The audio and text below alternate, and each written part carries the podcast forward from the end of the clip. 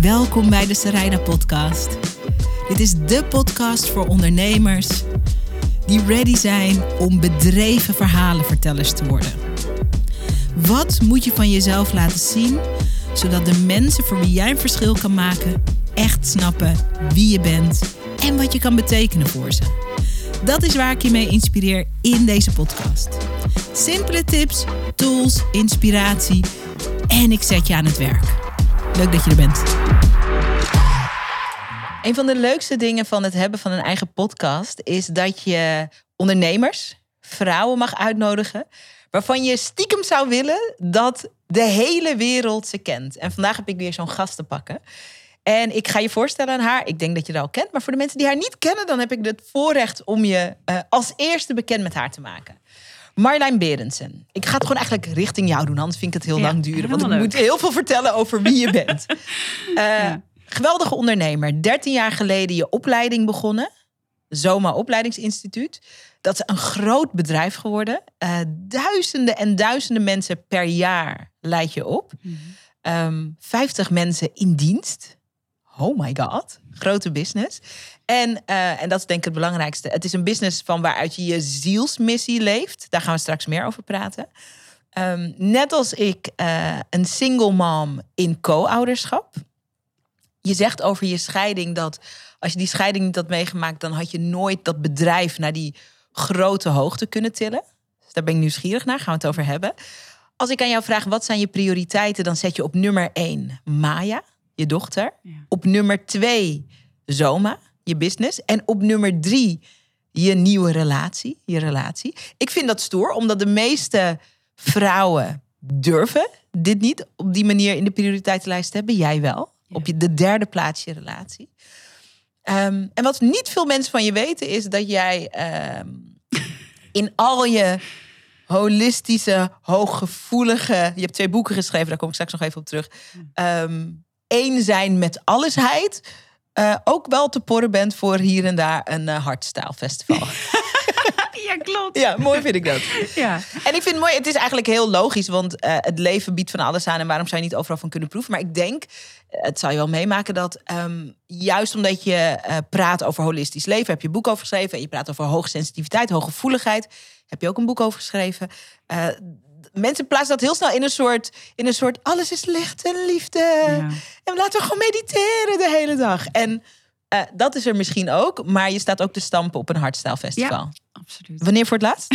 Eh, deze zomer nog? Deze zomer nog. Ik zou de- dit weekend nog eh, naar een festival gaan. Die gaat dan niet door. Maar nee, meestal wel een pak een paar per jaar. Ja, Mooi, leuk. Ja. Leuk, Ja. welkom. Fijn dat je er bent. ja fijn om er te zijn. Heel leuk. Ja. Ik wilde meteen induiken, want je hebt een boek geschreven over hoogsensitiviteit. Ja. Eh, leven daarmee, ontdekken dat je dat bent. Jij bent dat. Ik denk dat ik het ook ben. Ik ga meer daarover ontdekken in deze podcast. Eh, hoogsensitief, helder voelend, helder wetend. Allemaal termen die we uit elkaar gaan pluizen tijdens dit gesprek. Mhm. Maar neem me mee ehm, naar het moment. Ik denk dat dat gebeurt wanneer je jong bent. Dat je ineens ontdekt. eh, de manier waarop ik voel en zie. Is anders dan hoe andere mensen of andere kinderen dat doen. Ja. Ja, ik ben, eh, ik neem ik je dan mee even naar een moment dat ik eh, in de klas zit. Ik denk een jaar of, het zal in groep drie geweest zijn. Hoe oud ben je dan? Dan ben je zes, Zes of zo? Ja. En dat ik, ja, ik ben wel echt een dromerig meisje. En dat ik zo naar buiten kijk en ik hoor echt zo de juf zeggen: Marjolein, Marjolein. Ik denk, oh, dat is een leuke naam. en daarna keek iedereen om en toen dacht ik: oh ja, denk ik echt op dat moment ook. Oh ja, dat ben ik. Oh ja, die naam heb ik gekregen. En dat klinkt misschien niet heel geks, maar in dat moment voel ik ook, ja, het maakt eigenlijk niet uit wat voor naam je me geeft. Weet je, er is iets anders wat ik, wat ik ten alle tijde ben. En zo klein als ik was, Hmm. voelde ik dat al. Ja, welke naam ik ook had of, of draag, in een ander leven heet ik misschien wel anders. Dat, oh, dit Zo is zo klein als ik was, ja, zo klein als ik op- in dat moment ben, ja, denk ik, oh ja, je kan maar elke naam geven, het maakt niet uit. Maar dat wie ik ben, heeft niet, die heeft niet alleen die naam. Je had bijna zoiets van, oh ja, deze keer in dit leven heet ik Marjolein. Ja, Oh ja, ik Ja. kijk even op. ja, Interesting. ja. Je voelt dat dan. ehm, En wat gebeurt er daarna? Dus dit is een, dit is een, een inzicht. Kijk, nu als volwassene, als we daarop terugkijken. Mijn dochter is vijf. En als ik haar naam roep, Elea. En ze zegt, oh ja mam, eh, zo heet ik deze keer. Maar, er, maar de, de wezenlijkheid in mij heeft geen, ik zeg maar wat. Hè? Ja, ja. Dan denk ik, wow. Hallo. Maar wow, let's talk about this. Dit is interessant. Dat zou ik als moeder denken. Niet iedereen zou zo reageren, maar prima.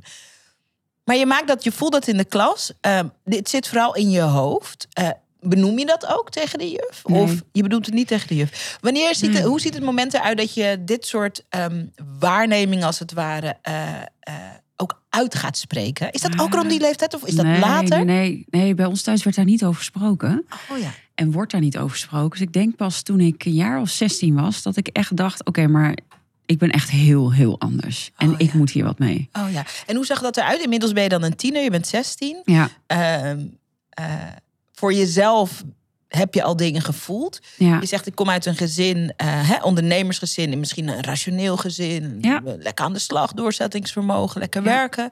Ehm, maar nu ben je 16 en, en hoe geef je dit uiting? Wat, wat voor gesprekken, wat zijn de aanleidingen? Ja, ik zit met mijn zus in de trein. En ehm, we waren onderweg naar, eh, naar zangles. En we zijn onderweg naar zangles. En ehm, in dat moment zie ik een treinongeluk gebeuren. En ik zie een rode auto voor de trein. En in dat moment zeg ik tegen zus, wow. En zij ziet ook aan mij, wat gebeurt er? Dus ik beschrijf wat ik, wat ik ervaar en wat ik zie. Het was echt van mijn padje. En ik stap de trein uit, we gaan naar zangles, een musical. En we lopen terug, en dat was het station in Velp. We lopen terug, we wonen in Dieren, we moesten daarna weer terug met de trein. En we lopen terug naar het station en zien we daarop, verderop, vlak voor het station, zien we een rode auto die voor die trein is. En er rijdt geen enkele trein meer. En op dat moment realiseer ik me, oké, ik ben echt abnormaal. Dit is echt niet goed. Ik moet naar iemand toe om het te fixen. Want wacht even, want je ziet die, je ziet die rode auto. Ja. Er ontstaat geen ongeluk. Er is een ongeluk. Er is een ongeluk gebeurd. de lakens, alles eromheen. Oké, oh, je, je, kon- jullie, jullie zien zeg maar de, de after van dat ja, ongeluk. de after van het ongeluk. Ik denk nog geen twee, drie uur later. Oh ja, Voordat ik dat dus in de trein al had gezien. oké. Nu ben je 16. Ja, Jij denkt, holy moly. ja, dit is niet goed. En wat had ik moeten doen? Had ik moeten blijven staan? Dus ik voelde me heel verantwoordelijk voor dat auto-ongeluk. Ja, maar ik heb dat toch zien gebeuren. En, en, en had ik dan daar moeten blijven staan? Dus er waren meer vragen dan dat ik natuurlijk antwoorden had. Ja. En in dat moment, weet ik nog, we kwamen thuis. Ik deelde dat wel. En ergens nam ik op dat moment de conclusie... iets is niet goed met mij. Ja, ik kan me voorstellen, zeker, ik bedoel, kijk, ehm, hoe jong ben jij? Ik ben ook veertig, net zoals jij. Ja, we hebben dezelfde leeftijd. Ja. We leven nu in een tijd, is mijn aanname, dat de, bijvoorbeeld deze podcast en dit gesprek en eigenlijk de natuurlijkheid van dit gesprek, 15 jaar geleden, 16 jaar geleden, mm, 20 jaar geleden, mm. dus zeker in die tijd, Ja. toen het nog helemaal niet zo gangbaar was om over spiritualiteit en all things die daarmee te maken hebben te spreken, kan ik me voorstellen dat je dacht, er is iets niet goed. Er is iets mis met mij. Ja. Ja, en Waren er mensen die dat ook, want je, ga, je hebt dat gedeeld, Wa- was dat ook de reactie van mensen of was dat iets neutraler? Of hoe nee, ik heb het wel heel klein gehouden. Dus ook naar mijn ouders verteld. En ehm, ik had op dat moment het eh, vriendje al, de vader van Maya overigens. Dus, eh, dus wij waren echt al toen ik 16 was Oh. samen. En ik weet dat zijn familie wel open stond voor, voor dit, voor het spirituele. En die zeiden, goh, misschien is het goed om naar zo'n medium, paranormaal therapeut te gaan. En Oh ja, eh, waarschijnlijk kan zij jou wel helpen. Maar eigenlijk zat ik met mijn gedachtegoed van, dit moet gefixt worden. Oh ja, het moet weg. Ja, en het moet weg. Ja. Ik kom uit een nuchter gezin. Hard werken, niet poetsen, niet lullen, maar poetsen, Ja, doorgaan. ja, ja, ja. Schouders eronder. Geen gedoe. We gaan niet, nee Marlijn, we gaan geen dansacademie of kleinkunst doen. Daar is geen geld in te verdienen. Je gaat een baan vinden waarmee er geld te verdienen is. Ja, ja, ja. Dus ja, ik ging ook maar de hoge hotelschool doen. Ja. Wist ik veel. Ja. Ja. Ja. Stap, eh, grote sprong vooruit in de tijd. Dus je bent 16. ehm, het, het komt naar je toe in de vorm van je ziet dingen gebeuren. Gebeurt het daarna ook vaker? Ja. Ja, vaker. En ik denk dat op dat moment ik ook uh, dat wel steeds meer kan omarmen. Dus ook door dat medium en door paranormaal, eh, zij is paranormaal slash medium. Ja, want je bent naar iemand toe gegaan. Ja. En wat, wat was zonder de hele reading te herhalen, wat was de essentie van wat je daar kreeg? Nou, ik ging daar wekelijks heen. Oh, je ging echt, oh, wat ja, goed. ja, ja, om hiermee aan de slag te gaan. Wat Want ik goed. voelde van ja, ik moet dit fixen. Op zo'n jonge leeftijd ja, ook. ja, ja, elke week. En Wat ze goed. in Diemen. Dus ik woon in, in West, nou niet in Westvoort, ik woon nog in Dieren trouwens. En dan moest ik elke keer met de trein naar Diemen in mijn eentje ging ik, ging ik dat gewoon doen. Ja, ja, ja. Ja. Interesting. Ja, Vanuit het idee, ik ga hier. eh, want eerst dacht je, het moet weg. ja ik moet het fixen. En toen dacht je, Nou, toen zei ze al vrij snel van... hé, hey, ik ken jou uit het vorige leven. Dus ik had wel zoiets van, eh, wat is dit? Er ging echt een wereld voor me open. En zij zei, ik ga jou hierin begeleiden. Oh ja. En eigenlijk ook vrij snel zei ze... jij gaat een heel groot opleidingsinstituut krijgen... waar je mensen bij gaat helpen. En dat schoof ik natuurlijk weg.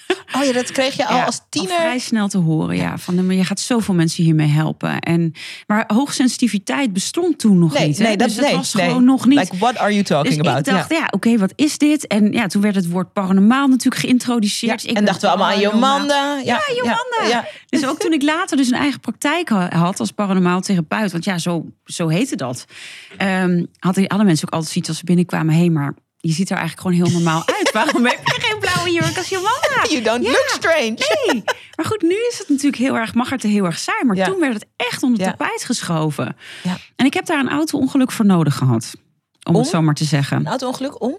Nou ja, ik ging dus eigenlijk een soort van mijn secret leven leiden. Dus aan de ene kant had ik dus mijn hoge hotelschool.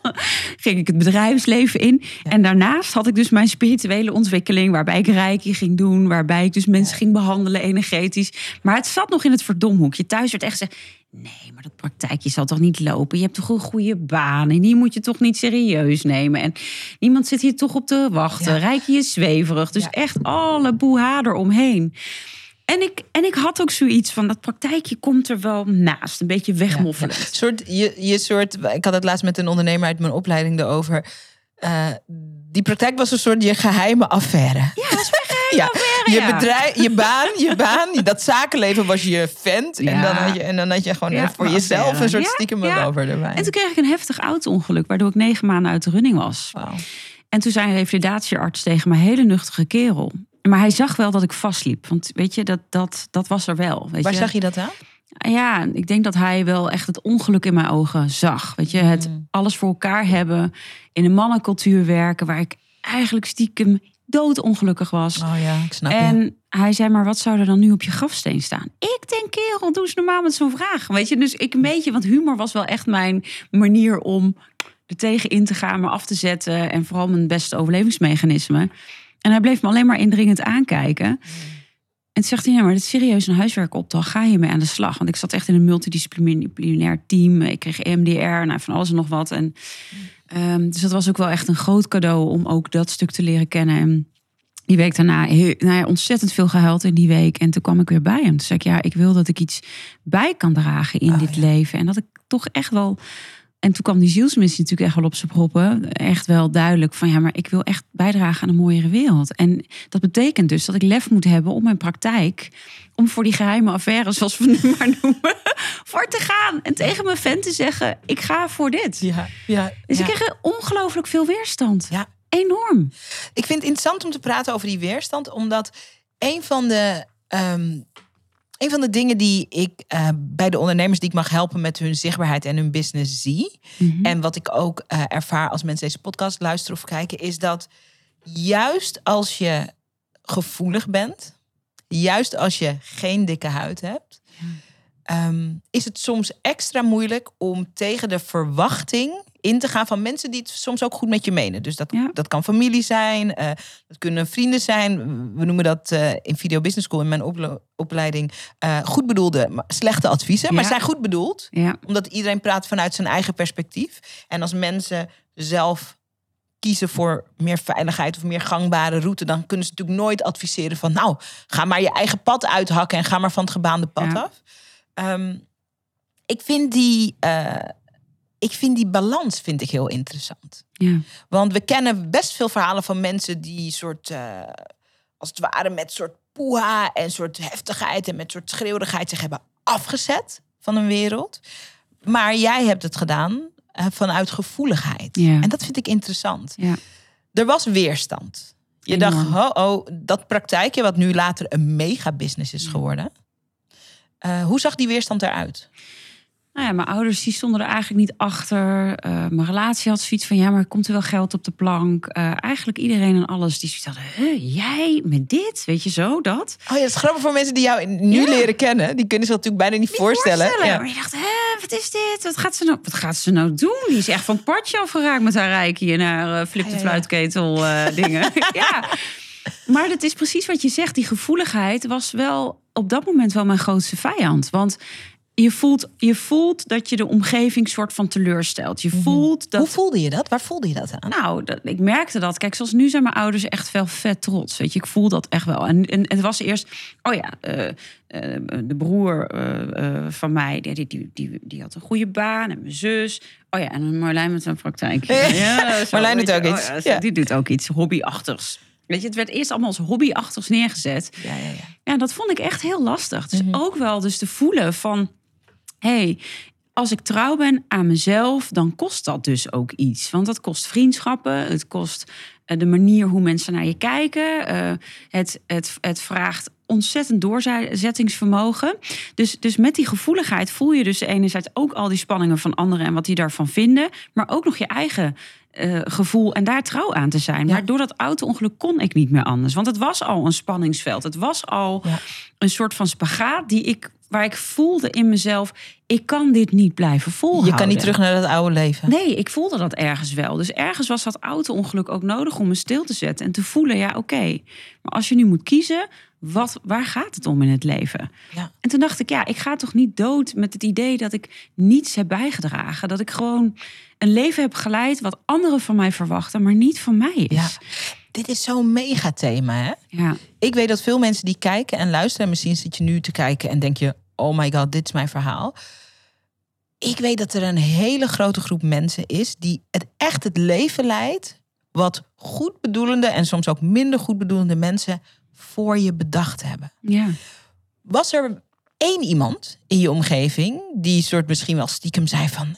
ik, zie het ook. Of was je alleen met die, dat gevoel... later werd het denk ik meer een visie... ehm, van, van wat je wilde neerzetten? Of was er, was er, was er wel één iemand, misschien je tweelingzus? Of, of was het zo, soms is het zo groot dat andere mensen het ook totaal nog niet kunnen zien. Nee, ik denk ook dat het zo groot was dat mensen het niet zagen. Ik denk mijn opa en oma zagen het wel. Eh, dat was wel echt wel bijzonder. Die, die hebben altijd wel gezegd: ja, maar Marjolein, dit gaat je lukken. Dit gaat je lukken. En we hebben, we hebben vertrouwen in je. We zien wat jij gaat doen. Dus Mooi. ergens was dat wel heel bijzonder ook. Ja, ja. En natuurlijk groeit dat op een gegeven moment ook wel. En voel ik ook wel, hij zoals mijn tweelingzus en mijn partner destijds, de vader van Maya, absoluut ook wel van hé, hey, maar als je dit te doen hebt, dan, dan zijn we daar. Weet Ja. je, gaan we dat doen. Maar niet in het begin. En het is Nee, wel heel belangrijk, want ik zie soms geweldige ondernemers eh, met fantastische intenties en goede ideeën. Eh, die zijn toch aan het wachten op een soort toestemming. Ja. Een soort toestemming van maar iemand. Hoe heb jij in die beginfase? Dus opa en oma vonden het top. Later vindt iedereen het een goed idee. Ja. Wanneer het een succes Ja. is, vindt iedereen het een goed Ja, idee. Ik zei altijd al tegen Marlijn. Allemaal mhm, leraren en ja. weet ik veel wat. Die komen dan ineens op, op Facebook. Ik had het altijd al gezien. Dus je denkt, nou, zo herinner ik het me niet. In elk geval. Hoe, wat, hoe zette je die eerste stap en hoe gaf je jezelf toestemming? Ik denk dat het in eerste instantie die, die secret relatie was. Hè? Dus dat het mijn grote liefde was. Mm, en mooi. ook wel heel bewust ook wel. Hè? Ik bedoel, ik kan niemand ook iets kwalijk nemen... Omdat, ik, omdat het ook iets was wat ik voor mezelf hield. Dat het zo groot was voor mezelf. Ja. Heb ik ook niemand zo laten weten. Mm. Dus ze hadden ook niet de kans om er voor mij te zijn. Dus dat zie ik ook, weet je. Oh Dus, ja, dus ergens die terugtre- terugtrekbeweging in een stukje eenzaamheid. Ik draag dit wel. En natuurlijk wel mijn paranormaal therapeut die daarin gelooft. Die Mm. Oh, mij ja, fijn. begeleidde. en. Mijn medium en mijn reiki master. Maar dat was wel een soort van... Ja, een beetje mijn geheime... Ja, mijn geheime kamer of zo. Harry Potter energie of zo. Weet ik veel. En dan kom je weer terug met de dreuzels. En je gedraagt je als weer als een dreuzel. Maar op een gegeven moment gaat dat niet meer. Weet je, zo. Zoiets. Ja. Misschien een beetje een gek voorbeeld. Maar ineens komt dat in me op. Ja, mooi.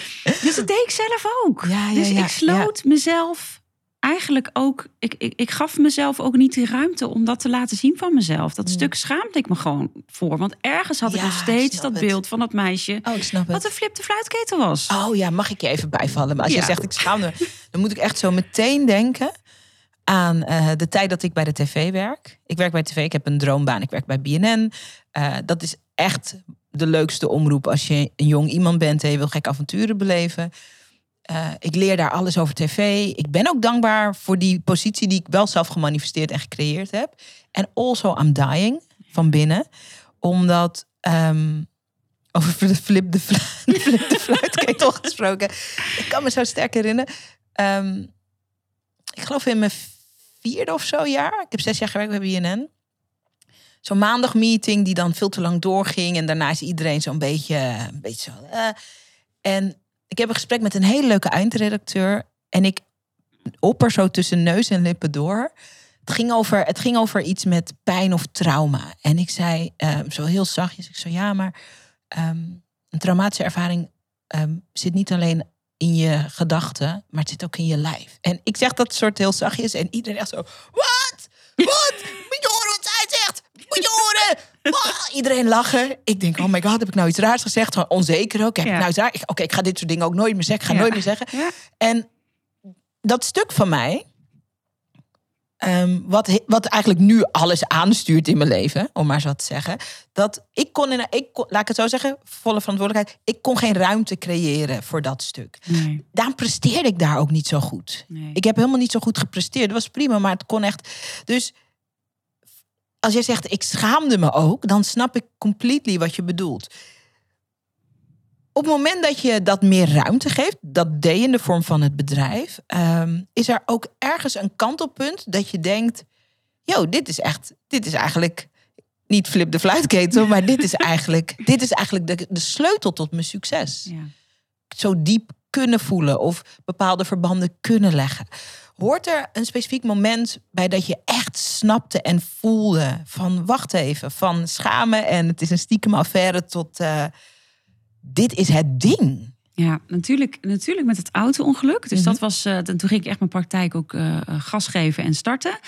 Maar ik denk zeker ook na de scheiding. Ja? Ja, want toen zat ik zo diep en echt, ik, ja, nou jij hebt zelf ook een scheiding meegemaakt. Dus je ja, weet, wij waren weet niet getrouwd, maar het is nee. een scheiding is scheiding. scheiding Als je scheiding. hebt, ja, ja, precies. En, en echt, ik, ik raakte de bodem aan. En ik dacht, ja, weet je, dieper dan dit kan ik niet gaan. Weet je, zo'n diep falen gevoel. Oh ja, het gevoel van falen. Hoe zag dat Heel eruit, erg. de bodem?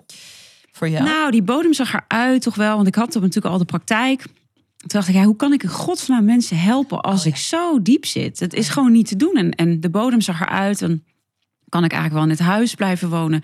En Maar het allerbelangrijkste, hoe vaak zie ik mijn dochter nog? En ze was één. Het was echt de hel. ja, waren het ook, was- eh, mijn dochters ook Het was echt vreselijk. Ik vond het echt heel erg. En toen ontmoette ik Gangaji. En ehm, zij is echt ook wel mijn spiritual teacher. En zij, eh, ik zat bij haar ehm, op het podium eh, toen ik naar, naar... Ja, ik had zoiets, ik moet met mezelf iets gaan doen. Want ik kan niet meer mensen gaan helpen als ik zelf gewoon... mijn je hele toen- leven een puinhoop is. Maar heb je, toen, heb je toen het werk echt gepauzeerd? Ik heb wel even tijdelijk het werk gepauzeerd. Oh, dat ja. ik voelde van ja, dit, dit is niet te doen. Nee. Eh, wie, ja, weet je, dat ik niet meer voelde van ja, maar hoe kan ik mensen helpen als, het, als mijn leven zo'n puinhoop is. Dus ik heb het inderdaad even gepauzeerd. En toen ben ik ook naar een een retreat van haar gegaan. En nou, op het podium, ik schaamde me weer. Kom weer die schaamte en, en schuld en alles en dat falen. En zij keek mij zo liefdevol aan. En toen vroeg ze mij, maar wat is er nu in deze puinhoop, in deze, nou ja, de- deze bodem waar je zit... Wat is er nu op dit moment in je hart? Wat altijd vertrouwenswaardig is. En op dat Mm. moment kwam ik zo thuis bij mezelf. En ik voelde zoveel liefde. Liefde voor? Nee, liefde voor het leven. Gewoon dat wij liefde zijn. Mm. En toen ineens refereerde dat ook als een soort van ja, connecting the dots.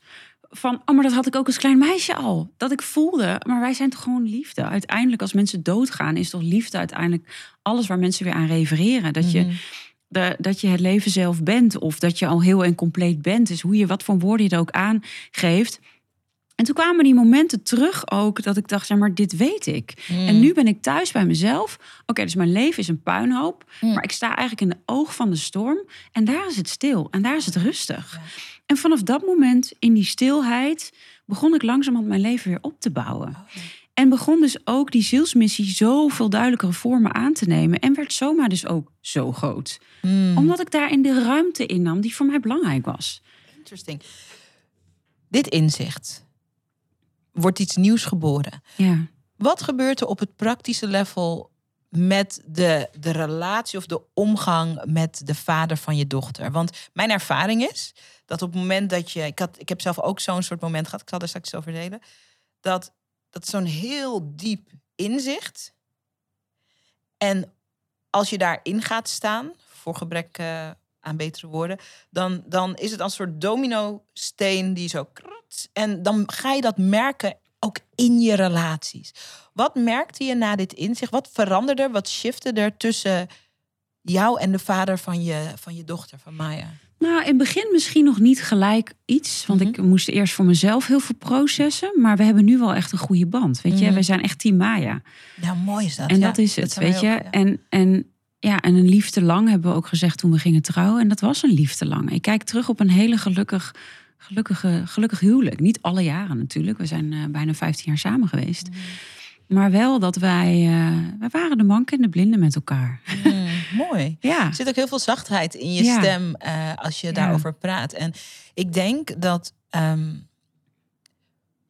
ik denk dat dit is een enorm cadeau wat we geven aan onze kinderen. Ik had, mijn moment zag er een beetje anders uit, maar het was wel ook zo'n soort moment.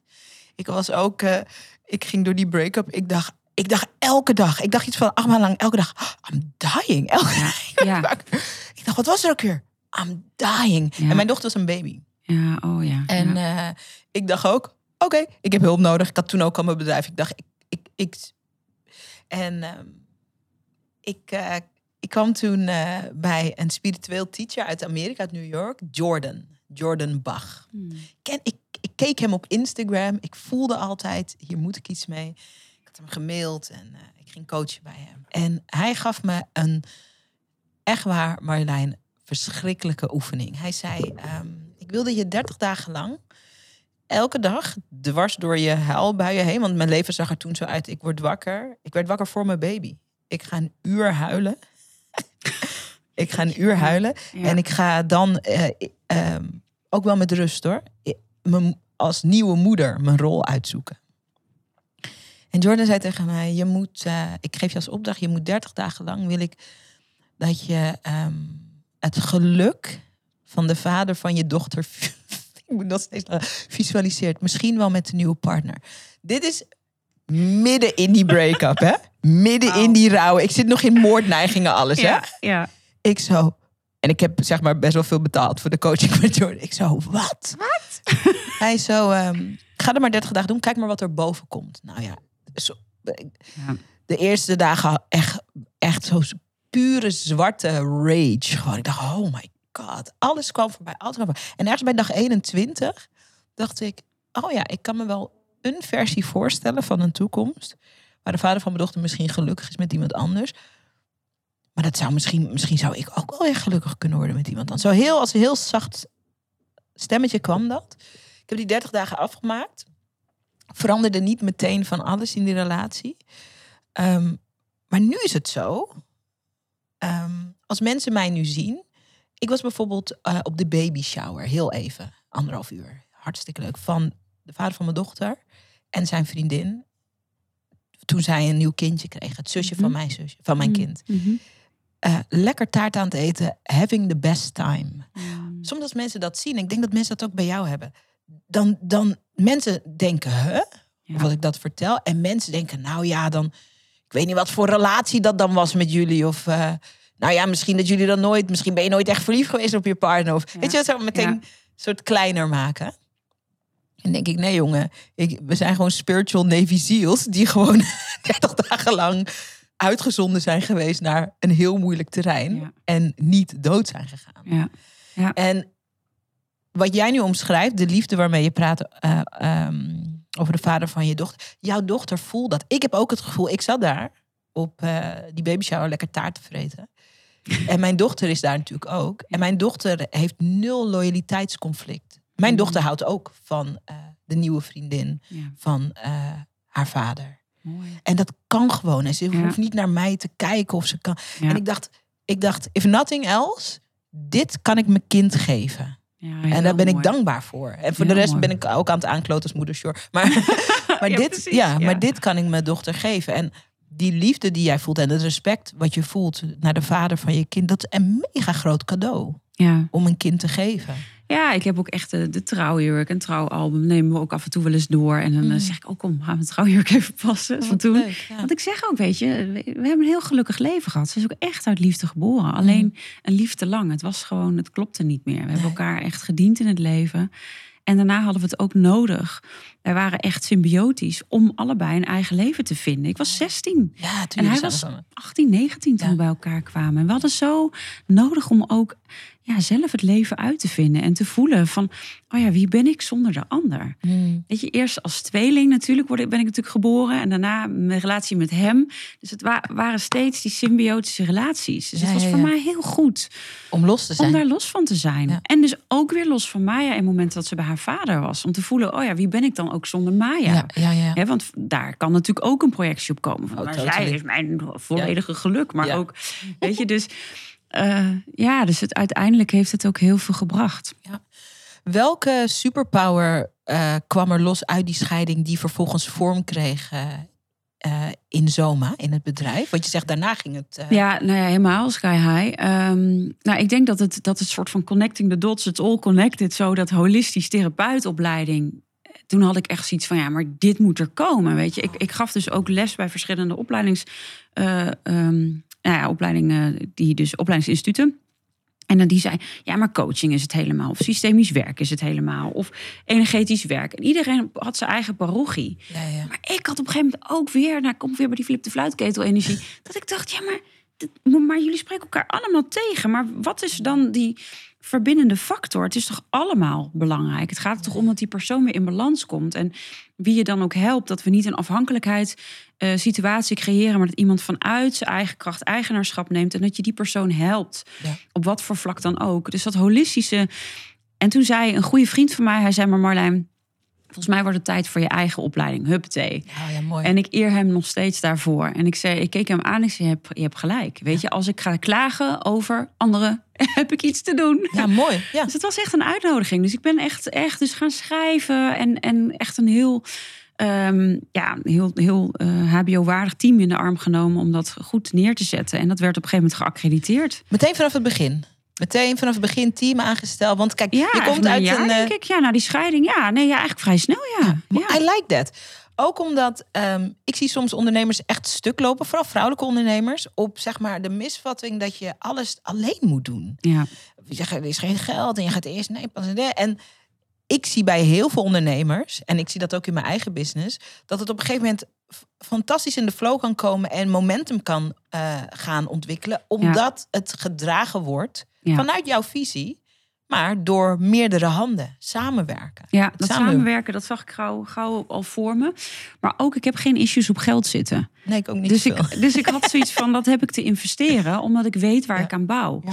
En um, ja, dat Mooi is dat hoor. We moeten dat even ontrafelen zo. Ja, ja en, en, en met twee weken zat ook de eerste groep vol. En nou, op een gegeven moment kreeg ik dus wachtlijst van twee jaar.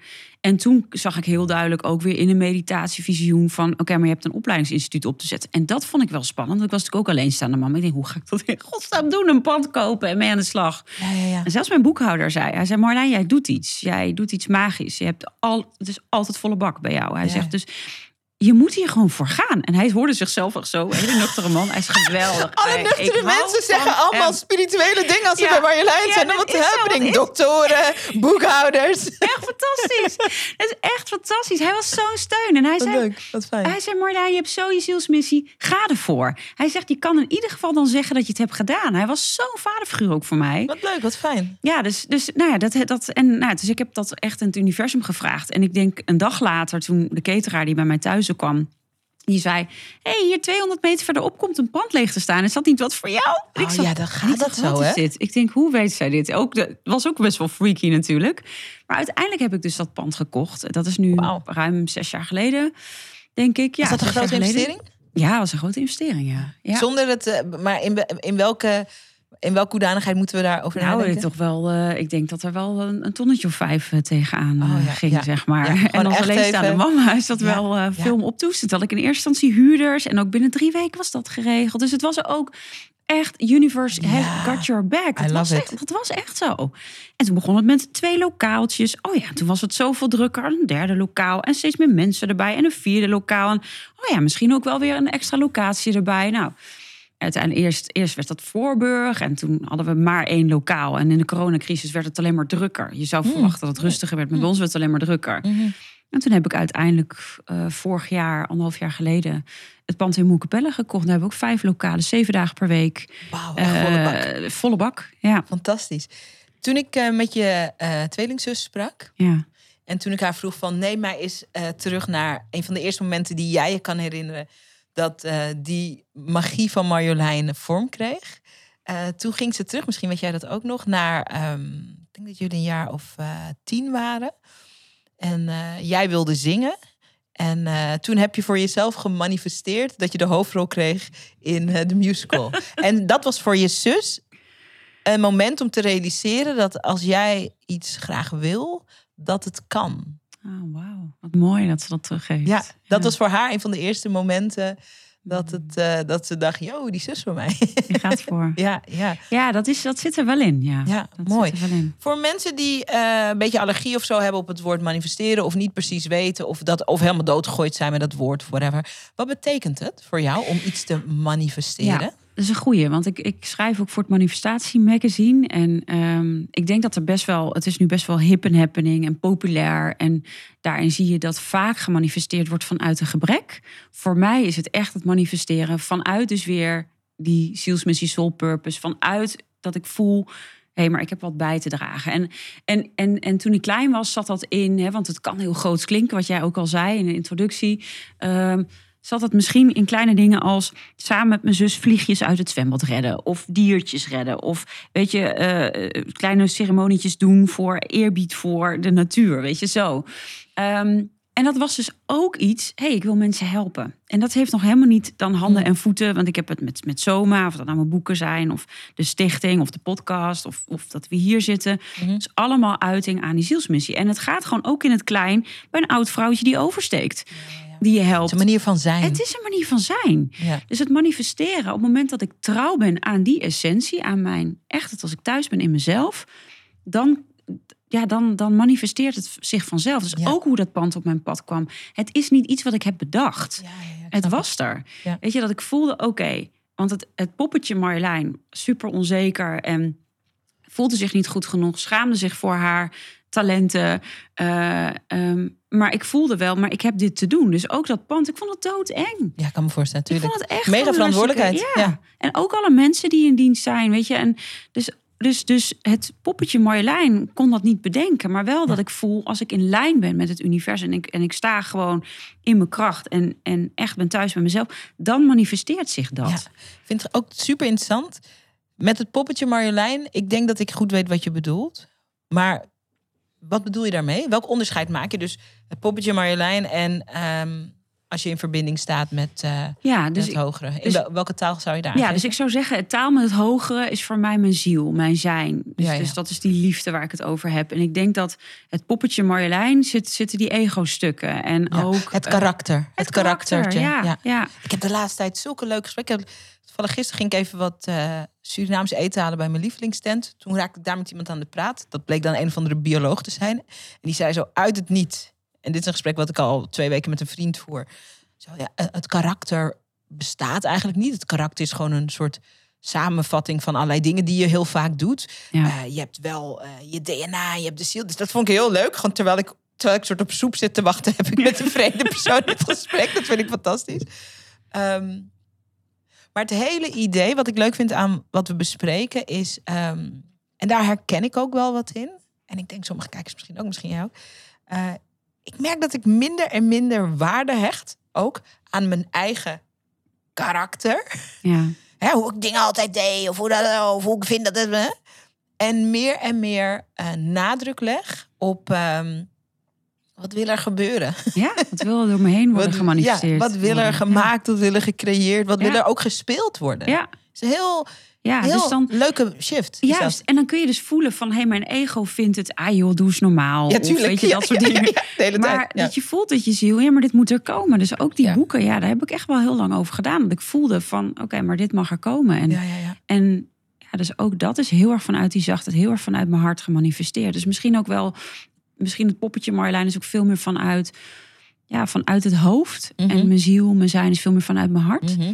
En ik denk vanuit het karakter of het ego, hoe je het ook wil noemen, moeten dingen altijd logisch zijn. Terwijl eh, de meeste dingen zijn niet logisch. En de allerleukste dingen komen op totaal onlogische manieren vaak tot stand ook. En je hebt ook je hoofd nodig, weet je. Want Ja. ik kan natuurlijk niet een, een, een, een bedrijf, bedrijf neerzetten met, met, met, met alleen maar roze blaadjes. En, eh, Meditatie. Precies. Ja. Het is ook gewoon hard werken. is ook die masculine energie. En juist dat hoofd is dan... Maar het ondersteunt. Dus het hoofd is niet de baas van het hart. Maar het hart is eigenlijk...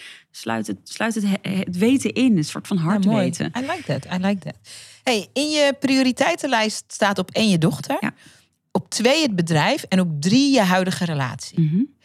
Eh, er zijn mensen die dat een radicale top drie vinden. Ja. Want moet je relatie niet eh, op twee of op één of gedeeld met je dochter op één.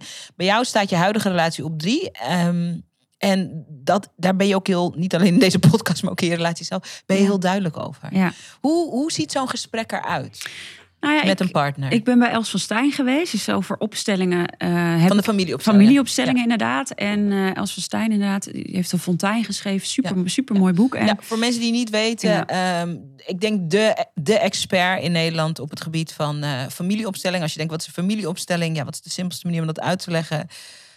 We komen allemaal ergens vandaan. We hebben allemaal ouders en grootouders en overgrootouders. En eh, soms is er iets in je leven wat niet loopt, niet stroomt, niet werkt. En dat heeft te maken met wat er in eerdere generaties is gebeurd. En in een familieopstelling kan je daar inzicht eh, op krijgen en kan je daar ook dingen in aanpassen. Ja. Is super mooi, magisch, interessant werk. ja, en, je- mooi. en dus ook de juiste plek innemen. En daarin heb ik dus ook heel erg geleerd dat de waarheid helend is. En daar gingen we dus mee aan de slag. En ik voelde me zo schuldig. Dus ik kwam thuis en ik ging dat gesprek aan met, eh, met Michael, mijn partner. En toen zei hij, maar Mar, dat wist ik toch al lang? Maar wat zei je tegen hem? Je zei, ik heb net Ik familieopstelling ja, gedaan en ik kom erachter. Ik, ik voel me onwijs schuldig. En ehm, ja, ik kom nu ook achter dat Maya op één staat en Zoma op twee-. En jij op drie. Is dat oké? oh ja, je, oh, ja, Weet je, is dat oké voor jou? Weet je, want ja, ik realiseerde me wel van, ja, daar moet iemand ook eh, ja op kunnen zeggen. En het mooie aan Michael is, ik, fantastisch, hij heeft niet zoveel nodig, omdat hij zo compleet is in zichzelf. Ja, ja. Dat, en het is natuurlijk op momenten hebben we het wel eens gesprekken over van, oh ja, nu krijg je echt wel de kruimels. dus dan mag ik echt wel weer Van, je tijd en je energie. ja, en Ja. de tijd en mijn energie. En dan, en dan gaan we ook echt weer even goed investeren. En, ehm, maar ik zei ook, ja, weet je, Maya kan nu in dit geval ook niet zonder mij, maar zomaar ook niet. Ik zei, dit is mijn zielsmissie. Jij redt jezelf wel. Ja, ja, Want dat ja, is ja. ook zo. En, en daarmee geef ik ook vertrouwen aan hem, want hij is fantastisch. Hij kan de wereld aan. Ja, maar het is ook blijkbaar niet een soort kindman. En dat hebben wij ook gezegd. Weet je, wij hebben ook in het begin van de relatie al heel duidelijk uitgesproken. Oké, een relatie is voor ons allebei geen invulling, maar een aanvulling. Ja, ja, ja. Want wij zijn zelf die taart en jij bent de kers. En hij kan ook heel goed alleen zijn. En dat kon ik dus ook. Weet je, we zijn nu kijken, 4,5 jaar samen, denk ik. Dus ik ben ook best wel een tijd ook wel alleen geweest. En ik had heel erg leuk met mezelf. Ja, ik snap het. Ja. Ja, dat weet, jij weet Ja. hoe het is. Ja.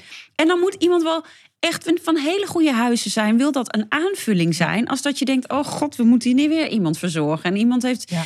weet je, oh dat gaat niet werken. En heeft hij precies zo. hij zou er gek van worden. Ja. Hij, tuurlijk vindt, hij- zou hij het wel leuk vinden als ik iets meer kook of zo. Dat wel.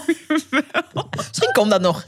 Wie weet, wie Ja, weet. ja, ja. ik sluit Maar mooi, uit. ja, maar het, het is ook wat ik er mooi aan vind, is dat ik vind het sowieso fantastisch, omdat ik hou van alles wat eerlijk is en aan de oppervlakte.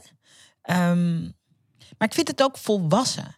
Ja. En eh, zonder, zonder afbreuk te doen aan allerlei andere vormen van relatie. Maar er zijn zoveel relaties. En ik denk dat er zoveel, zowel mannelijke als vrouwelijke ondernemers zijn. Om het toch maar even een beetje te kaderen. Die, die op een bepaald level ehm, iets moois wat ze neer willen zetten voor de wereld. Wat echt van een goede plek komt. soort moeten inperken omdat die, omdat die partner of die vriend of die vriendin... Ja maar, maar, nee, ja, maar die vindt het niet leuk als je nou weer... eh, En het is wel begrijpelijk. Het is ook menselijk. En het is ook zonde, vind ik. Ja, want En ik vind het heel mooi om te horen als dat, eh, gewoon, als, als dat gewoon, als er verantwoordelijkheid genomen wordt voor wat echt is. En zo klinkt dit. En dat vind ik heel interessant. Ik denk dat we meer van dat soort voorbeelden ook zouden mogen kennen. Ja, want je staat dan echt naast elkaar. Je Ja. neemt allebei de ruimte in, eh, op je eigen manier.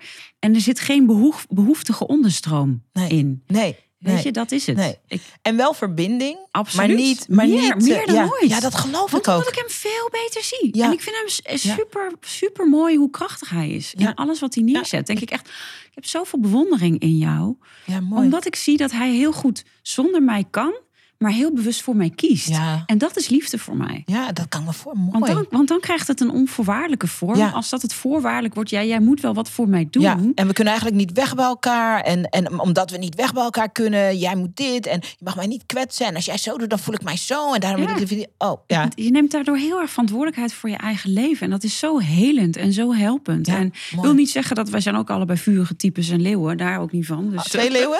Ja, twee leeuwen in de relatie.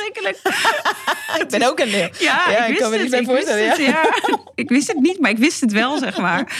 Dus af en toe denk ik, oké, we, hebben, we hebben geen gebrek aan vuur. Dus Nee, we kunnen elkaar mooi. gewoon in de haren zitten. Maar Natuurlijk. ook daar wel weer terugkomen. Oh ja, maar dit zegt wat over mij. Ja, sorry voor de pijlen die ik afvuurde. Maar eigenlijk is het een pijl naar mezelf. Ja, mooi. Ook mooi voorbeeld voor je dochter. Ja, enorm. Ja. Ja. Je, je tweelingzus, want als ik, eh, wanneer ik mensen interview voor deze podcast, dan praat ik ook met mensen om iemand heen. Die zei, ik vroeg aan je zus, van eh, wat is nou een, eh, een thema wat je, hè, je wordt veel geïnterviewd, je hebt je eigen podcast, dus plenty content van jou out there. Maar wat mag eh, wat meer in het licht worden gezet? En ehm, je zus zei, ehm, hoe, hoe je moedert, Mm. wat voor moeder je bent. Mm. Toen zei ik, oké, prima. Ze zei, ehm, ik ken veel ondernemers die pogen of doen of proberen om eh, iets van work-life balance te creëren. Ehm, jij runt een groot bedrijf, veel verantwoordelijkheid. Ik bedoel, 50 werknemers. Ik bedoel, dan is er altijd iets met iemand. Ja. Er speelt altijd iets in het leven van iemand. Dat, ik heb een kleiner team. We zijn met z'n achter, maar ook... Er is die, hè, want we zijn allemaal mensen. Ehm, maar je zus zegt... eh, ehm, wat Marjolein kan en wat ze bijna nergens anders ziet... is echt... eh, Maya is gewoon... eh Zoma is de zielsmissie, maar Maya ja. is echt de onbetwiste, Ja. de onbetwiste winnaar van eh, jouw aandacht, jouw liefde, de tijd, de energie. ja, absoluut. Ja, en eh, hoe krijgt dat vorm? Want work-life balance, het is een beetje een stomme term, een beetje platgestreden ook, maar hoe krijgt dat vorm voor jou? Nou ja, zij is ook hartstikke HSP. Dus dat uh, verbaast je vast niks. Nee. niet misschien jouw dochter ja, mijn dochter, denk ja, ik. Ja. ja. Dus eh, in het begin eh, had, eh, ging ze twee dagen nog naar de BSO. En ehm, nou, ze was gewoon vet overprikkeld. En ze stond echt, dan, dan kwam ik om half jaar ophalen. Hè, dus echt wel Echt vroeg in de middag, ja. En dan stond ze al aan het hek. En dan zei ze, je bent niet de eerste mama. Je bent de tweede, zei ze dan. En dan kreeg ik die blik. Mm. En ik had zoiets van, nee, dit is niet goed voor haar. En Oh, dus ja. ook door die natuurlijkheid van het bedrijf wat groeide... Ja. kon ik dus mijn werkuren zo indelen. En, dat doe ik nog steeds. Elke dag haal ik haar uit school op. Oh, wat fijn, wat goed. En dan zit ik thuis met dat kopje thee of iets anders lekkers. En dan gaan we kletsen. En dan, eh, het is echt altijd zoete inval. Iedereen komt altijd bij ons thuis spelen. Spelen, ja, leuk, iedereen. ja. Dus, eh, ze gaat bijna nooit ergens anders heen. Ja. En dan neemt ze weer die mee, neemt ze weer die mee. Dan gaan we even zitten. En dan, dan, dan, chillen we even zo. Want ze is inmiddels al elf. Hè, dus we mogen, eh, dat, heeft natuurlijk Oh, allemaal andere namen. gezellig, ja. ja, ja leuk. En, ehm, en dan gaat ze, weer, eh, gaat ze weer aan de slag. En dan pak ik mijn laptop er weer bij. Maar de laptop is niet in beeld op het moment dat zij, dat zij er aankomt. En Oh, wat mooi, wat goed. dus ik ben met haar. Ja. En, ehm, ja, en een weekend dat ze bij de vader is, werk ik veel. En mijn vriend heeft ook zijn eigen bedrijf. Mhm. Eh, dus hij weet hoe het is om ondernemer te zijn. Dus eh, wij, wij vinden elkaar daar ook in. Weet je? Dus als ik s'avonds af en toe nog moet werken, of weet je, is dat oké? Ja, ik vind dit ook fijn dat dit ehm, aan bod komt, omdat ehm, dit is het ook. Dit is jouw bewuste keuze. Jij bent er smiddags voor je dochter en dus is het gevolg dat je ook wel eens 's avonds of in het weekend werkt. Ja. Het is ook fijn, want soms is er ook een soort zweem van eh endless vrijheid Ja. als ondernemer. En er is ook veel vrijheid, maar er is ook veel verantwoordelijkheid. Ja. En het is niet zo dat, hè, zoals eh, eh, om hier voor de podcast op tijd te zijn, ben ik een avondje hier wezen slapen. Nou, dan Ja, gaat ze naar haar hotel. vader. Ja. Maar dan weet ik ook dat, ze, dat het gewoon heel goed is. Weet je, dat we die balans heel goed hebben gevonden. Dus meestal door de week is ze eigenlijk altijd bij mij. En dan pakt hij soms een extra dag. Maar dat is zo fijn ook met elkaar om dat zo te doen. Ja, mooi. maar mooi. die hele bewuste keuze, ja, dat is eh, ja. waardevol hoor. Voor mensen die nu zitten te kijken of te luisteren, moeders die ondernemen, die hier echt mee worstelen. En ik zal je vertellen, ik vind ik, wat jij zegt over de BSO. Ik zit dus terwijl ik zit natuurlijk heel goed te luisteren. en Mijn dochter gaat ook naar de BSO. Eh, die wil soms dan weer niet mee naar huis. Ja. maar ik, ik, en ik ben ook dankbaar dat BSO bestaat, dat soort dingen. absoluut, absoluut. Maar ik, ik ben wel ook aan het overwegen om dat toch anders in te richten. Ook een beetje voor mezelf. Ja. Omdat ik denk, ik vind het zo zonde als ik er dan om vijf uur of om half zes of zo. Dan is de hele dag voorbij. Dat vind ik Ja. zonde. Dus ik ben ook aan het onderzoeken van eh, hoe kan ik mijn schema, wat, wat zijn bepaalde dingen waar ik nee tegen kan zeggen. Ehm, hoe, hoe puzzel jij het? Hoe doe jij het voor mensen die zitten te luisteren en die denken, ik, ik heb ook een, nog meer vrijheid te creëren rond tijd te spenderen met mijn dochter. Ik werk zelf niet zoveel, maar ik ben wel altijd eigenlijk bezig met meer tijd te creëren voor mijn kind. Ja, nou Ja. ja, do- doordat zij dus zo duidelijk die stem liet zien en liet horen eigenlijk, eh, nam ik dat ook heel serieus. Mhm. Weet je, zij was gewoon echt geen BSO-meisje. En als ze dat heel erg leuk had gevonden, was het misschien oké geweest. Ja, ja, precies. Maar ik hoorde en voelde gewoon aan haar, dit is echt, dit is voor haar echt niks. Zo overprikkeld. En dan zag je haar vol zitten. Ja, dus ik, nou ja, en toen we dus thuis waren, ook zoveel dankbaarheid met elkaar. En dat ik dacht, ja, dit zijn de keuzes die weer mij dienen. Maar dus ook daarin dus voelen en trouw blijven aan, zij staat op één. Ja, ja. Zij staat echt op één. Ja, Dit, heb ik, dit heb ik te doen. Zij was ook al twee jaar voordat zij ehm, geboren was, eh, stond zij naast mijn bed. Oh, wacht, hier gaan we het even over hebben. het over hebben. Ja, dat was heel bijzonder. En Doe eens zeg- even vertellen. nou ja, ehm, het was 's avonds of 's nachts was dat. En, eh, en zij stond daar en ze zegt: Hoi, ik ben Maya en jij bent mijn mama. En ik zag haar staan. Ik zei: Oké. Zei ik ook echt zo. Ik was heel relaxed. Dus ik zo tegen mijn toenmalige man, dus de vader van Maya: We krijgen een dochter die Maya heet. En hij zo: Oké. Ook echt zo. Ja, Iedereen inmiddels gewend. Ja, gewend inmiddels. Ja. Hoe zag dat eruit? Ja, zij kwam, eh, zij kwam best wel vaak eigenlijk aan mijn bed staan. Eigenlijk, ik denk een beetje Maya van een jaar of vijf, zes, dat ze regelmatig kwam. En dan kwam ze even buurten. Eh, Dus ook duidelijk maken van, hé, hey, ik kom straks bij jou. En ik zo, ja, maar het is nu nog niet de tijd, weet je. Wel, Geef Ik ben me, nu- geef ben me nu nog bezig. Maar hoe even voor de mensen, want sommige mensen vinden dit een heel spannend Dat is thema. Hè? ook. Ja, dat is het ook. Ik vind het niet zo super spannend, omdat ik zelf ook een aantal van dit soort ervaringen heb gehad. Oh, oh ik kom uit de kast hiermee nu. Ja. Oké, prima. ja. Ehm, dus ik kan me wel iets voorstellen, maar voor mensen voor wie dit nog een heel spannend thema is. eh, hoe ziet het eruit als je ongeboren dochter van vijf eh, aan je bed staat? Wat, hoe, hoe, hoe, hoe krijgt dat vorm? Nou ja, het was voor mij natuurlijk best wel gebruikelijk om ook echt al wel entiteiten of geesten te zien eh, als een gedaante. Niet eng of zo, niet zoals jij en ik, maar gewoon veel meer als een, een beetje een soort van, eh, van holo- hologram. Ja. En het gaf mij heel veel liefde. Weet je, ze was, ze was daar. En ook toen ze later vier was, toen zei ze op een gegeven moment van ja, maar mama, in een ander leven was ik jouw mama. Zei ze, zo'n kleine wijsneus. ja. Ik keek haar aan ik zei, en ik voelde ook dat het klopt. Ik Ja. zei, ja, dat is ook zo. En het is heus niet dat we zulke spirituele gesprekken constant hadden of zo. Maar dat kwam gewoon... Ze wil ook naar de McDonald's soms. Ja, tuurlijk, ja. Oh ja. En dan kwam poep, dat zo weer, weer boven poppen. Ja, En, maar vooral die, dat natuurlijke zijn, dat dat er ook mag zijn. Waarom zouden we denken dat Ja. Dit wat we hier zien het enige is wat Ja. er is? Ja, ik vind het ook, maar dat heeft ook te maken met mijn eigen ervaringen. Het heeft ook, als ik bij jou in de podcast ben, kunnen we daar een keer Ja. uitgebreid over hebben. Eh, ik vind dit ook veel normaler dan als, het, als we heel krampachtig over dit soort dingen doen. Ik, Ja. Het is zo. ehm, maar weet je dat een van de redenen is dat ik zelf bij mezelf lang, lang heb onderschat ehm, mijn eigen gevoeligheid is omdat deze dingetjes zo normaal voelen Ja. dacht ik, ja, maar het is niet zoals in de film hoor. Dus dan eh, weet ik niet of het echt uitmaakt. Ja, precies dat, ja. Dan weet ik niet of het echt zo. Maar eh, nu kan ik het koesteren. Ja, Omdat ik me ja. niet meer verschaam. Omdat ik me niet meer zo anders voel. En ik denk, ontdek gewoon. Maar er zijn heel veel mensen anders die zo zijn. En hoe lekker is het als je HSP'ers ontmoet. En dat je denkt, oh ja, met mijn half wordt nodig. je snapt elkaar, je voelt elkaar. het wel. Wij, wij kunnen, wij hebben al bijna uren gepraat voordat, die podcast begon. Ja, ja precies. Ja. Ja, Ja. en dat Ja. is heerlijk. En dat is zo'n verademing. Dat je denkt, oh hoe fijn is het dat mensen zo in het leven staan... die allemaal op hun manier iets bijdragen... om die wereld een stukje fijner en, en, en een soort van nieuwe wereld te bouwen met Ja. elkaar. Als je nu zit te luisteren en je herkent jezelf in eh, wat wij bespreken, maar je bent nog niet in een veilige omgeving. Of je zit nog in een heel heftige werkomgeving. Of je familie is nog heel heftig.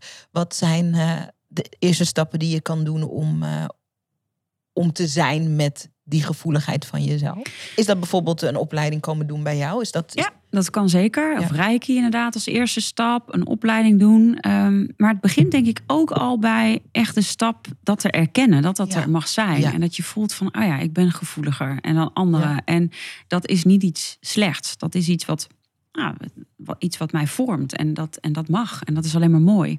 Dus daarmee zijn en echt verbinding met jezelf maken is gewoon daarin heel belangrijk. En verbinding kan weer een beetje zweverig klinken, maar al is het de natuur even in. Mm. Of even eh, een muziekje op en lekker in bad. Of het hoeft helemaal niet zo hoogdravend iets te zijn. nee, want dan denken we gelijk, oh ja, die wierookstokjes en die edelstenen moeten tevoorschijn worden getoverd. Dat hoeft helemaal niet. Kristallen! Ja, ik bedoel, ik hou ervan hoor, daar niet van. Maar het hoeft helemaal niet zoiets te zijn. Maar dat je voelt, hé, hey, wat is eigenlijk voor mij belangrijk? En Ja. wij helpen mensen dus ook eigenlijk weer de stap te zetten naar hun, eh, naar, naar hun thuis, waar het licht altijd brandt. Want dat is het. Heel veel mensen die hebben op een gegeven moment die lampenkapjes die om dat licht heen zijn gegaan en die dus weg zijn gegaan bij zichzelf en soms dus ook hun eigen thuis niet meer voelen. Mhm. En die ook In in, burn-out kunnen. Ja, Ja.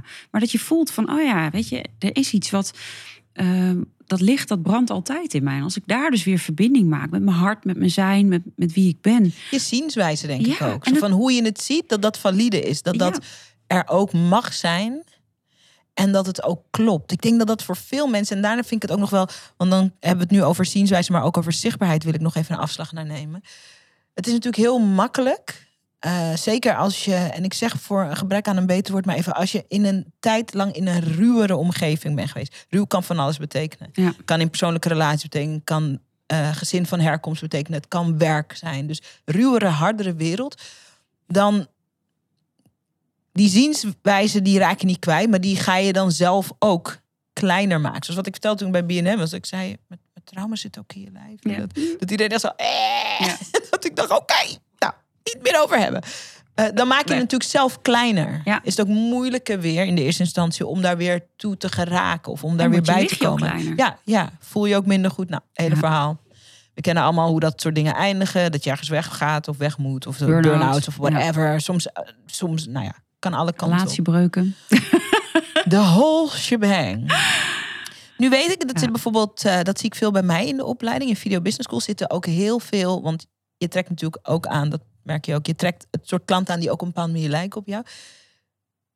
Bij ons in de opleiding zitten ook heel veel ondernemers die eh, spiritueel zijn, om het zo maar te noemen. Met enorme, ik noem maar brandstapelangst. Van, Ja. oh god, als ik eh, uit de kast kom met mijn eh, spiritualiteit, dan is het het einde van mijn bedrijf. Nou, de waarheid is dat dat nooit zo is. Ehm, maar wat heb je tips voor ondernemers die het echt spannend vinden om het nog meer zichtbaar te maken? hè? Want je hebt een aantal keer genoemd ook, je schaamde je nu helemaal niet meer. We praten met het grootste gemak en met de grootste rust over deze dingen. Ja. Ehm, maar waar te beginnen ook daarin? Nou, ik denk dat het dat ook dus naar je eigen schaamte en, en de thema's rondom dat, eh, dat stuk te gaan. Dus ik heb ook die brandstapelangst gehad toen ik het woord paranormaal therapeut eh, en, en dergelijke op mijn deur ging zetten in Westervoort. Nou, Westervoort is ook best wel een christelijke gemeenschap. En, en toen had ik, ik vond het zo eng en zo spannend. Maar ik voelde dat ik heb dit te doen. Toen ben ik mezelf gewoon gaan behandelen. Want ik voelde, ja, dit is gewoon een oud thema. En of dat dan vanuit die epigenetica is, hè, vanuit je DNA, of dat het puur vanuit het nu is je hoofd boven het maaiveld uitsteken, of dat het vanuit het vorig leven is, maakt misschien niet eens veel uit, maar daar contact mee maken. Ik dacht, ja, dit vind ik gewoon spannend. Ja. En ja, dit, is, dit, dit mag ik voelen, dit mag er zijn. Dus ik ging echt naar binnen met mezelf in contact. En op een gegeven moment voelde ik dat ik daar doorheen kon ademen. Dus hoe meer je het wegdrukt, hoe groter die brandstapel angst oh ja, wordt. tot, totally. Echt daarmee zijn. En toen voelde ik ook, oké, ik zet die stickers op. Ik ga de buurt uitnodigen. Dus ik heb ook gezegd van, kom binnen. Ik zeg, je ziet hier geen ketel op, op het... het gasfornuis staan. Ik zeg, bezem heb ik ook niet. Ja, om mee schoon te maken. Ik zeg, maar ik ben gewoon Marjolein. Ik heb ook geen Jomanda-jurk. Ik ben gewoon Marjolein. En Ja. al had ik die ook gehad, dit is wie ik ben. Ja. Dus ik ben echt letterlijk uit de kast gekomen. Even, even zo daar, letterlijk uit mijn deur gekomen om iedereen uit te nodigen. ja, wat mooi. En toen was het ook van, oh ja, nee, nee. Dat, want ik denk, voordat ze dat rond gaat zingen... van, oh, we hebben weer zo'n zwever hier in onze buurt. En je, dat wil je gewoon Ja. niet. Dat wilde ik ook niet. En ik voelde ook... weet je, het, ja, ik praat over spiritualiteit, maar we hebben ook veel huisartsen, fysiotherapeuten die bij ons de opleiding volgen. Ook juist om de verbinding te maken met het reguliere en het bespreekbaar te maken. Ja. Dat is ook En- onderdeel van de missie. Absoluut, Ja. absoluut. En ehm, dus het begint bij het jezelf erkennen. En op het moment dat je daar steeds meer energie aan geeft, dan voel je op een gegeven moment dat je gewoon geen weg meer terug hebt. Omdat je dan niet meer trouw bent aan jezelf. Ja. Mooi. Dus ja, dan vinden mensen me gek. En dan denk ik, ja, niet iedereen is voor iedereen. En dat is oké. Nee, nou, dat, en dat, niet alleen is dat oké, dat is prima en Ja. heerlijk. En ook, ik Prima krijg en ook haat op internet, absoluut. En jij vast ook, weet je. Ja. En dat vond ik ook super lastig. Want dan komt ook weer die brandstapelangst. En denk ik, oh ja, weet je, de rotte tomaten metaforisch. En de eieren komen ook op me af, zeg maar. Ja. Dan denk ik, oké, nou, Wat kom voor- maar op. Wat voor soort haat? Want op een gegeven moment, in alle eerlijkheid, op een gegeven moment wen je er ook aan en Ja. doet het ook niks meer. Is er, is er nog een, een soort haat wat je nog raakt? Of, eh, of is het, Ja, heb je het allemaal wel eens voorbij zien komen en denk je, nou prima. Ik denk misschien meer van, hè, bijvoorbeeld als, als eh, iemand binnen Zoma dat zou zeggen. Hè, dus een Zomi noem het maar even. Iemand die de opleiding volgt. Die denkt, ja, ze neemt niet eens de moeite om, om bij ons langs te komen in een groep.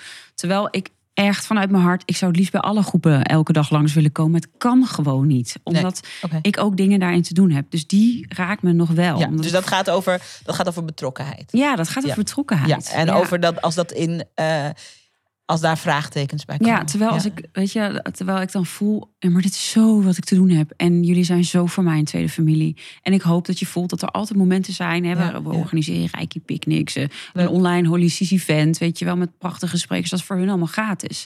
Weet je, dat faciliteer ik om met hun te zijn. Omdat ik niet meer elke dag, ook letterlijk niet meer, Op langs alle kan gaan. kunnen, kan niet. kunnen zijn. Nee. Kan niet, omdat ik dan ook niet meer alles eh, wat ik te doen heb, te doen heb. Ja. En die betrokkenheid zit dus in een onderstroom. En dat zit dus ook in elke dag de energie opzetten. En Ja, ja. de trainers goed opleiden. De kwaliteit van het et cetera, et cetera, et cetera. En die Maar kan het soms nog raken, ja. Ja, maar ik vind het mooi dat je dat noemt, omdat eh, in elke fase en in elke groei ontdek je, is er ook altijd weer iets waar, waar- wat je zelf eh, mag opruimen of waar je zelf mee. Ik denk dat soms de misvatting is dat als je dan eenmaal niet meer bang bent voor zichtbaarheid of je trekt je niks meer aan van verwachtingen, dat dat een soort aan- of uitknop is. En dat is, niet zo. Ik heb zo. eh, nu, eh, ik liep laatst tegen mezelf aan. Ik had, eh, ehm, ik heb van de zomer een, een abundance dating programma gelanceerd. Zo leuk. Gaaf. Dat ik heel veel dingen na eh, mijn break-up ontdekte over, over daten en in verbinding staan. En eh, ik dacht, mensen moeten dit weten. Er is een hele andere manier om te relateren eh, als vrouw tot een man op een date. Ik dacht, oh, ging dat maken. Hartstikke leuk. Grootste plezier ever. Er zit een fantastische groep in. Fantastische resultaten boeken die. Ehm, maar toen liep ik er tegenaan. Ik ook weer met mijn coaches daarmee aan de gang. Dus om aan te geven van het werk is nooit gedaan. Hè? Ik dacht, oh, ik heb eigenlijk... Door, ook door alles wat ik heb meegemaakt, maar ook doordat ik een soort afscheid heb genomen van het idee van romantiek, zoals dat ons wordt voorgeschoteld Ja. eh, in de romcom. In de Disney's. In de Disney's en de romcom. Ja. Ik gelo- eh, dat vind ik gewoon echt heel onwaar Ja. ik dacht, oh ja, ik ben eigenlijk totaal geen traditionele vrouw. Nou, daar kwam dan zelf wat oordeel op. kwam mijn ego zei, ja, nou, je bent echt zo niet traditioneel. Ga je natuurlijk, eh, je hebt wel allemaal aanbidders, maar je gaat natuurlijk nooit meer een normale relatie. Nou, Ja. helemaal uitzoeken. Ja. Wat is een normale relatie? Wil ik dat überhaupt? Wat is dat dan? Nou, helemaal uitzoeken. Maar toen liep ik daar ook tegenaan. En toen merkte ik ook, ik had wat video's gepost over hoe ik kijk naar eh, relaties en man-vrouw en seksualiteit en sensualiteit. En toen merkte ik, oh ja, ik durf niet alles te posten. Nou, was voor mij echt heel lang geleden dat ik geen video durfde te posten. En ook, oh ja, als daar dan kritiek op komt, dan raakt dat me ook. Maar dan is dat ook een teken van, oh ja, daar heb ik dan zelf eh, wat in te doen. ja, ook wat, eh, wat werk in te doen. Ja. En voor de rest wordt er heel veel over mij gezegd. Maar ik, mijn motto is: ik vind prima dat je me haat, maar ik hoef er niet bij te zijn. dus, dus ik lees dat niet. Oh ja, ik ja. lees het niet. Ik lees Ja. het niet. Ja, er staat iets vervelends onder een artikel. Oh, ik lees dat niet. Nee, het is niet uit desinteresse, maar ik lees dat gewoon niet. Nee, nee. En dat mag ook. dat is zeker. Je mag gewoon kiezen wat je ermee doet. Ja. En dat vind ik ook. eh dat is ook, ook ruimte en ja, joh. vrijheid, Ja, ja. joh. Ik vind het prima als jullie me niet begrijpen of me haten.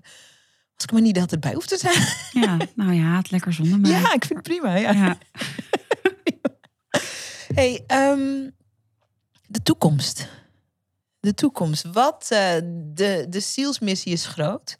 Het werk is groot. Mhm. Eh, het bedrijf is groot en groeit. Ehm, wat, wat gloort er aan de horizon? Voor jou en voor Zoma. Wat, Ja. eh, wat, wat, wat gaat er gemanifesteerd en gecreëerd worden de komende tijd? Nou, ik eh, ga samenwonen. Oh, leuk. Dus dat Leuk. is wel echt heel gaaf. Ja? In, eh, in een dorpje verderop. En superleuke boerderij. En, dus dat is wel echt voor mij wel een grootste stap. Ergens had ik ook wel de beslissing genomen. Ik ga niet meer samenwonen. Oh, want ik red het wel alleen. Dus Oh, dat was wel echt... Het feit dat we dat dus gaan doen was voor mij wel echt iets groots. Mm. En dus ook weer nou ja, niet zozeer conformeren, maar wel echt samen zijn en in verbinding ook je eigen ruimte blijven houden. En nou ja, daarin ook je eigen ja, soort van holy space te hebben waar je, waar je kan terugtrekken. Dat is voor mij ook belangrijk. En, eh, dus dat is iets persoonlijk vlak. Eh, nou ja, maar hij gaat naar de middel- middelbare school, dus dat is ook wel, vind ik, een groot eh, thema natuurlijk. Ja. En ehm, nou ja, voor Zoma, ehm, ik zie nog steeds wel een derde vestiging erbij. ja. Oh, leuk, spannend. Ja. Op, heb je enig idee van op welke termijn? Of is dat niet belangrijk? Ja, Of... Een jaar of twee, denk ik. Of Oh weet ik niet. Denk zoiets. Maar het, ook dat moet goed voelen. Kijk, ik kan dat nu zeggen en ik voel dat nog steeds. Maar ja, ook daarin. eh, we hebben heel veel mensen uit België die ook Oh, maar- komen. oh, ik zit de hele tijd in mijn BH. Zit jij in je BH? Ik zit in mijn BH te vertellen dat ik niet zo'n traditioneel iemand Nee, ben. nou ja, kom maar, kom maar door met die. Oh, dat is misschien met die sensualiteit uit die open sprong. Kan dat het zijn? Oh man. Nou, die microfoon zit er wel voor hoor. Dus je moet wel goed kijken, wil je je. BH kunnen zien. Nou, nou, dit was een hele speciale aflevering. Nou, dus Ja. kijken vooral vrouwen. Nu, Laat misschien je, dan nu. Laat je aanmoedigen. Ja, ja, ja. De breast. misschien, ineens, misschien in de statistiek ineens veel meer mannen. Breast to impress. Misschien zit mijn Eva Jinek moment. Nou, Ja. ik wou zeggen, Ja. pak het moment. Dit, is al, dit, is, dit heeft zich al gemanifesteerd. Het wil gewoon gezien Het worden. wil gewoon gezien. Je de nippel? Oké, Oké. oké. En ademen. Oké, fantastisch. dus de derde. Nu Ja, ja, een beetje krampachtig terug naar de... krampachtig met je ja, mee. ja. Oké, de, derde, de derde vestiging. Super ja, cool. Ja, ja, veel Belgen inderdaad. Dus, eh, misschien heeft het met die Belgen te maken. Ik weet niet, maar eh, nee. nee ja, dus ja, weet je, ook uh, Sarayde, ik, ja, ook daarin ook weer go with the flow. Komt hij er niet, is het ook oké. Ja, ja, Weet ja, je, het is ja. voor mij niet Ja, iets ja. vaststaans. Ik, ik zie dat dan en ik zie dat in, in opstellingen naar voren komen. Maar als dat niet is, is het ook oké. Weet je, ik ben er niet meer of minder mens van. Ik hoop gewoon nog meer mensen te kunnen helpen met het geweldige team wat we hebben. En die dezelfde missie uitdragen. En het zou zo kunnen zijn, om je bij te vallen, ehm, dan gaan we zo afronden. Eh, en dat gaf mij, toen toen ik dat hoorde, gaf het mij heel veel soort eh, frisse moed. Ik werkte een paar jaar geleden met een fantastische coach samen, met James Wedmore, Amerikaanse coach. En die Mhm. zei, ehm, van de 30 man die hier in de ruimte zit, ehm, wat jullie nu doen en hoe jullie het doen, dat bestond tien jaar geleden helemaal Nee. nog niet. Dus het leuke is ook voor de toekomst van Zoma en voor ieders toekomst dat eh, je gaat iets doen wat misschien helemaal nog niet bestaat over twee of drie jaar. Tijd gaat zo Ja. snel, de ontwikkeling gaat zo snel. Ja. Ik vind het ook mooi dat je daar gewoon die luchtigheid in Ja, hebt, absoluut. Ehm, die openheid. En echt met de flow. Ja, weet je, ik, ik wist ik veel dat ik boeken zou schrijven. Ja, dat was ook niet iets wat ik, Nee. wat ik had bedacht in mijn hoofd. Maar Ja. ik voelde wel, het moet er komen. Ja, Want het fantastisch. holistisch spectrum is vaak gewoon wordt heel nauw neergezet. In plaats van, hé, maar laten we even al die niveaus benadrukken. En wat, wat betekent dat als mens als je heel en compleet bent dan? En op al die niveaus aandacht aan besteden. Dat bestond gewoon niet. Nee, Ja, als het er niet bestaat, moet het er komen. ja, dan ga je het maken. Dan ga je het maken. I love it. Voor mensen die denken, my god, ik moet, ik wil meer. Meer van Marjolein, Zoma. Wat is de makkelijkste manier om aangehaakt te blijven? Nou, ik denk dat, dat eh, je kan natuurlijk een nieuwsbrief volgen. eh, je kan de boeken misschien aanschaffen. Dus het hangt ook vanaf waar je in je proces zit. Ja. Misschien Zullen we heb nog even noemen, de titels? Ik heb hoogsensitiviteit, je grootste kracht. Ja. En holistisch leven, moeiteloos gelukkig. zijn. Ja. Ja. dus dat zou kunnen. Maar, en, en misschien heb je al Reiki gedaan. Denk je, oh ja, die Reiki, dat wil ik weer eens afstoffen. Ik ga door met mijn Reiki 2. Of denk je, ja, ik wil die holistische therapeutopleiding. Ja, je kan gewoon veel. En het is ook waar. Ja, we, we, we, we zien het eigenlijk zo voor een soort stepping stones. Waar zit je, welk, Mm. welke stap heb je nodig voor jouw volgende eh, spirituele reis? Welke stap hoort daarbij om nog dieper bij jezelf thuis te komen? Leuk. En even heel praktisch, eh, naar welke eh, URL's mogen we het? www.zoma-opleidingen.nl. Daar Mooi. eh, kun je het meeste vinden. En meer informatie over mij is gewoon marjoleинberends.nl. Ja, op Instagram of Instagram, ja. Heel leuk. Ik vond dit zo'n leuk en interessant mooi gesprek. Ik heb Ik ook veel geleerd. Nou, ik ook van jou. Ik vind het heerlijk dat je ook zo, zo deelt. En ik uh, kijk ook uit naar onze podcast. Ja, ik kom ook bij jou. Ja, ik kom ook te gast bij jou. Ja, we gaan meteen inplannen. Ga gelijk inplannen. Ja, super, leuk. Ik kan me voorstellen als je dit gekeken of geluisterd hebt... dat je ook inzichten hebt ontdekt. Dingen over jezelf. Misschien heb je wel vragen. Misschien heb je zo'n gevoel van ik, ik moet meer, ik wil door. Um, laat weten online dat is denk ik een goed begin. Door uh, even een DM te sturen naar uh, Marjolein, mij. Of een screenshot te pakken van deze aflevering. En uh, ons even te taggen. Laat weten wat je grootste inzicht is. Dat is voor ons altijd ook weer leuk om te horen. En ja, doe, doe de Google. En Marjolein heeft net ook gezegd waar je naar toe kan. En ga gewoon eens kijken. Ga eens kijken bij de opleiding. Ik denk dat er voor heel veel mensen iets moois tussen zit. Dank voor het kijken. Dank voor het luisteren. Heerlijk om je er uh, virtueel, I know, bij te hebben gehad. En uh, sorry uh, voor Tiddygate. en ik zie je bij je volgende aflevering. Ik denk wel dat er misschien deze keer meer kijkers zullen zijn ja, dan luisteraars. Meer mannen. Dat zou kunnen.